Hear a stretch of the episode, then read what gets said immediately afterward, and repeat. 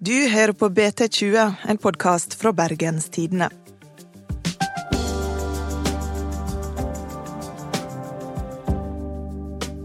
Halve byrådet i Bergen er bytta ut, og et nytt mannskap skal styre byen vår. Nå er det store spørsmålet hvor lenge vil de klare å overleve?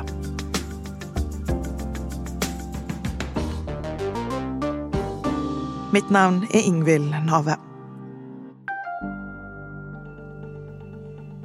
Roger Ballamar, som formelt eh, byrådsleder i Bergen. Gratulerer med ny jobb. Hvordan kjennes det å ta fatt på dette vervet? Eh, det er et veldig godt spørsmål. Jeg har ikke kjent skikkelig etter ennå. Men, men jeg, det er en, jeg er både ydmyk og stolt over å få, få det oppdraget. Her tar Roger Valhammer i Arbeiderpartiet over jobben som byrådsleder fra en litt hås Harald Skjelderup. Du sitter godt. Da går jeg. Ha det. Ha det. Faktisk er halve byrådet skifta ut i oppladninga til valgkampen. Men i kulissene lurer et bompengeparti i medvind og en mektigere ytre venstrefløy enn på lenge. Det går mot en ekte valgthriller i Bergen. Politisk redaktør Frøy Gudbrandsen og politisk journalist i BT, Gerd Margrethe Kjeldflåt. Hva betyr det at vi har fått et nytt byråd i Bergen nå, egentlig? Det betyr kanskje en del for valgkampen. Jeg tror ikke det betyr så veldig mye for byens innbyggere at de kommer til å merke i det daglige at tjenestene blir annerledes, men det betyr en del for partiene at nå går de inn i valgkampen med de folkene som faktisk skal sitte der, eventuelt etter valget. Sånn at dette her er et valgkamptriks og ikke noe en gjør fordi en skal innføre liksom, ny politikk? Eh, det har ingenting med ny politikk å gjøre. det sa jo også Harald Schjelderup eh, den dagen han gikk av. Sant? Den politiske plattformen står fast. Det er ingen endringer i politikken, det er bare nye ansikt. Har dette byrådet her, som kom inn nå, ambisjoner om å sitte òg etter valget i høst, tror dere? Yes. Mm. Det har de åpenbart. Hva er de største utfordringene for dette byrådet her? Det største utfordringen er at det skal bli vanskelig å danne et flertall i bystyret etter valget. Arbeiderpartiet gjorde, et helt usedvanlig godt valg sist. Eh, de kommer ikke til å gjøre et like godt valg nå. Det betyr at de kommer til å trenge mange flere partier med for å få et flertall. Altså de kommer kanskje til å trenge både Rødt, SV, eh, MDG, Senterpartiet og KrF og Venstre. Eh, og da er det ikke så lett å bli enige om politikk. På vår siste måling hadde de samla ja, 28,6% oppslutning, tror jeg. Det blir ikke noe byråd av det? Det er i hvert fall veldig langt fra at disse tre faktisk hadde flertall etter 2015-valget. Eh, så de har et, en lang vei å gå, eh, og det er mange utfordringer. Venstresiden eh, er jo veldig sterk. SV og Rødt gjør det godt på målinger. Eh, de, de, to sammen er mye større enn hva Venstre og KrF er nå. Det skaper problemer. Hvorfor er det lurt å putte inn disse nye ansiktene nå? Det, er, det, begynner å nærme seg. Valget begynner virkelig å nærme seg. Det er rundt eh, fire måneder igjen. Så hvis de skal ha noe tid til å kunne profilere seg, og, og så må, måtte det vel kanskje egentlig skje nå? Det er en del nye ansikter som stiller til valg. En del kjente folk som har eh, trukket seg. Altså eh, de mest eh, kjente profilene til KrF uh, har jo gått av. Uh, og Harald Schjelderup tar jo ikke gjenvalg. Og da Det er jo ikke det at det betyr alt at folk veit hvem toppkandidaten er, men det er jo klart at det er jo best om velgerne er mest mulig kjent med dem som stiller til valg. Eh, Beate Husa kommer inn eh, for KrF, eh, for Rebekka Josland som gikk ut, og at Valhammer nå tar over som byrådsleder. Så det handler om at velgerne skal bli bedre kjent med dem, men det handler også om at når det blir invitert til debatt når de skal ut og gjøre ting som politikere gjør i sitt daglige virke, liksom, så er det ikke noe tvil om hvem som skal stille. Eh, hvis uh, Schjelderup fortsatt var byrådsleder, så liksom, ok, er det han? Er det toppkandidaten? Altså, nå er det de som stiller til valg, som er de som blir invitert. Hva med de som forsvinner ut, og hvorfor forsvinner de nå? Harald Schjelderup forsvinner ut fordi han uh, ikke ville mer, kort fortalt. Hva vil han, da? Nei, jeg vet ikke, men han er jo en type som har mange interesser i livet. Og det er jo, sånn er jo politikere ulike. Noen, eksempel Erna Solberg, altså hun er jo hun, hun er politikk. Hun puster politikk. Ja. Det er det, er, det, er det hun, eh, ja, det er det hun eh, lever av på alle mulige måter. Sånn at men så finnes det jo mange andre politikere som er like dyktige, kanskje, men som kan se for seg å drive med andre ting også. Han, og jeg tenker at det er helt fint, det. At politikere kan kan gå og gjøre andre ting, og at de kommer inn i politikken med litt variert bakgrunn. Så sånn sett er nok Det er ikke overraskende at Schjelderup har lyst til å Eller for meg er ikke det overraskende at han kan se for seg å gjøre andre ting enn å være byrådsleder. Jeg tror ikke det er mer komplisert enn det. Og det var, var, det et godt tidspunkt nå for han å gå? Ja, altså det, For han var det antageligvis det. For partiet hadde det vært best om han satt i fire år til. Hvorfor det? Fordi nå må de bygge opp Roger Wallhammer, som er ukjent. Uh, og uh, jeg vet ikke hvor mye det har å si for valgresultatet, men det er enklere å stille til valg med en person som velgerne veit hvem er. Da kan du få en sånn en, en ekstra Altså hvis man er usikker, da, så hvis, og hvis det er en politiker man kjenner, og som eh, man stoler på, som stiller på topp, så kan det liksom vippe folk over. Og nå mister Arbeiderpartiet den fordelen.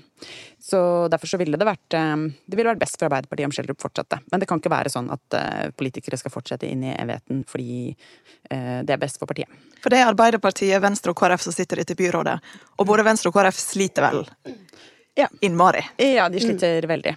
Eh, så det er et lappeteppe av partier som må til for å danne et flertall i bystyret, mest sannsynlig etter valget, da. Eh, og det gjelder jo både høyresiden og venstresiden. Eh, men det er klart det er en fordel å måte, være de som sitter, da selv om eh, KrF og Venstre er veldig svake, så er det de som er sentrumspartiene.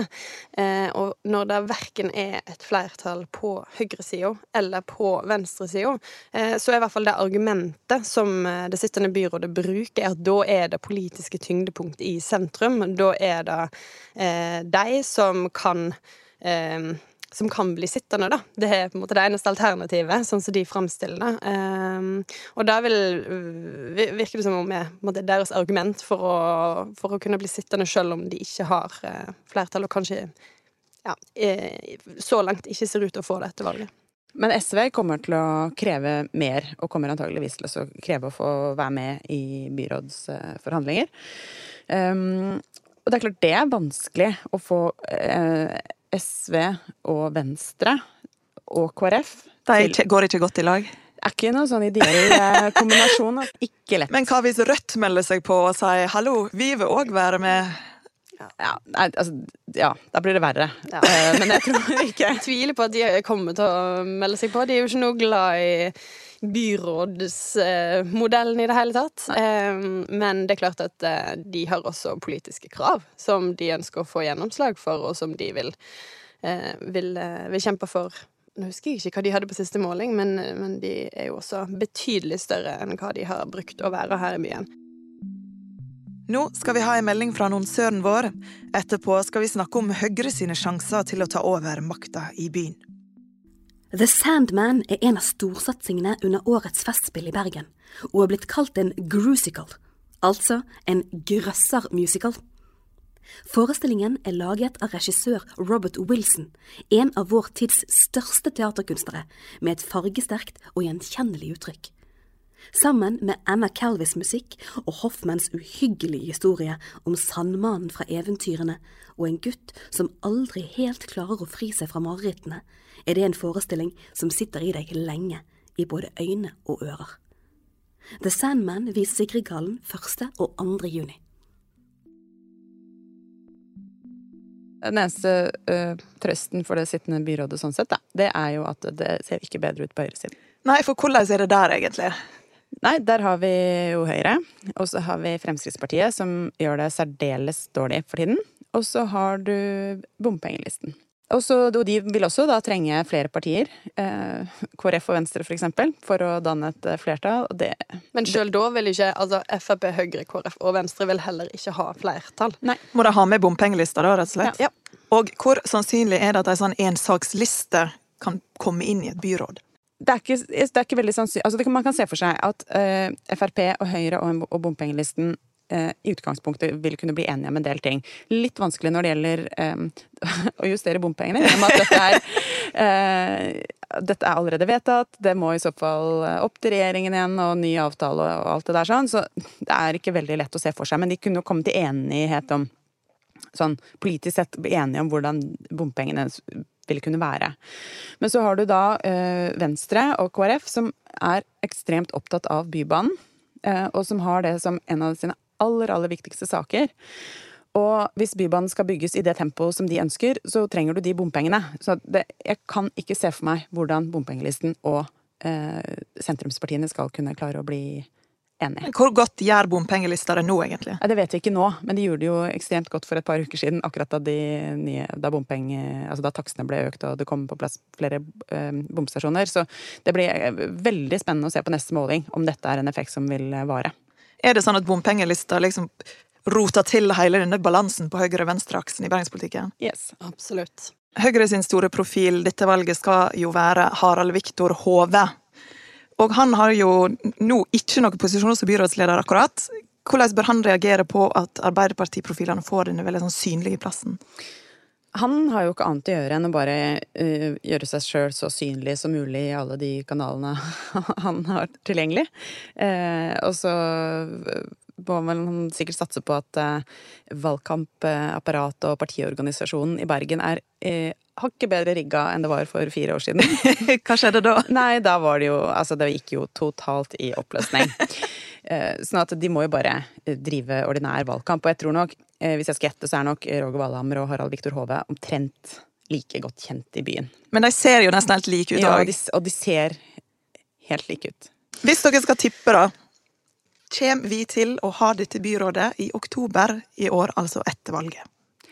Ja, men jeg vet ikke hvor mye lenger. Jeg tror at dette byrådet blir sittende, og så tror jeg ikke de sitter ut perioden. Å, så du tror de overlever valget, men ikke så veldig lenge etterpå det? Nei, jeg tror det kan bli eh, krevende. Altså, Roger Valhammer får en, altså, han får en vanskeligere jobb enn det Harald Schjelderup har hatt. Eh, hvis, han hvis, han da fortsetter som byrådsleder etter valget. Fordi det er en mye mer brokete eh, forsamling han må klare å samle hvis han eh, skal bli sittende. Fordi det er så stor uenighet blant de partiene som han må samle bak seg fra flertall for politikken sin. Så du skal drive ganske bra politisk kløkt egentlig for å drive politikk i Bergen etter dette valget her? Du skal ha skikkelig gode samarbeidsevner, og du skal være Ja.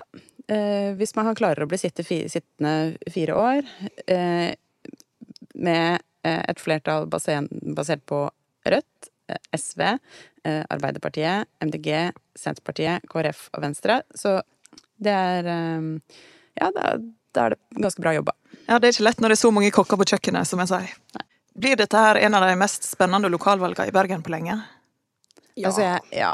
Men alle, alle valg, valg i Bergen ja, er spennende, og alle valg i Bergen er spennende. Uh, ja, men det er jo mer uh, Kanskje det er lett å si nå, men det framstår jo mer uklart hva som vil skje i dette valget, enn uh, det har ja, det i hvert fall gjorde for fire år siden. da på dette tidspunktet. For Da visste han at Arbeiderpartiet var på vei opp? Eller? Visste og visste det var i hvert fall ganske tydelig eh, fra rundt et halvt år før at eh, Arbeiderpartiet gjorde det godt på målingene, og at Høyre ikke gjorde det så Men, godt. Men eh, det var jo et eh, Valgresultatet til Arbeiderpartiet blei bedre enn vi trodde. Og ja. Høyre gjorde det jo dårligere, dårligere enn uh, vi hadde sett for oss. Definitivt. Det, det var derfor, et sjokkvalg sånn sett. Det var et sjokkvalg, og det er derfor liksom det er litt urettferdig å sammenligne valg med hverandre, ja. for de er så fine alle sammen. For Hvis det var sjokkvalg sist, så ja.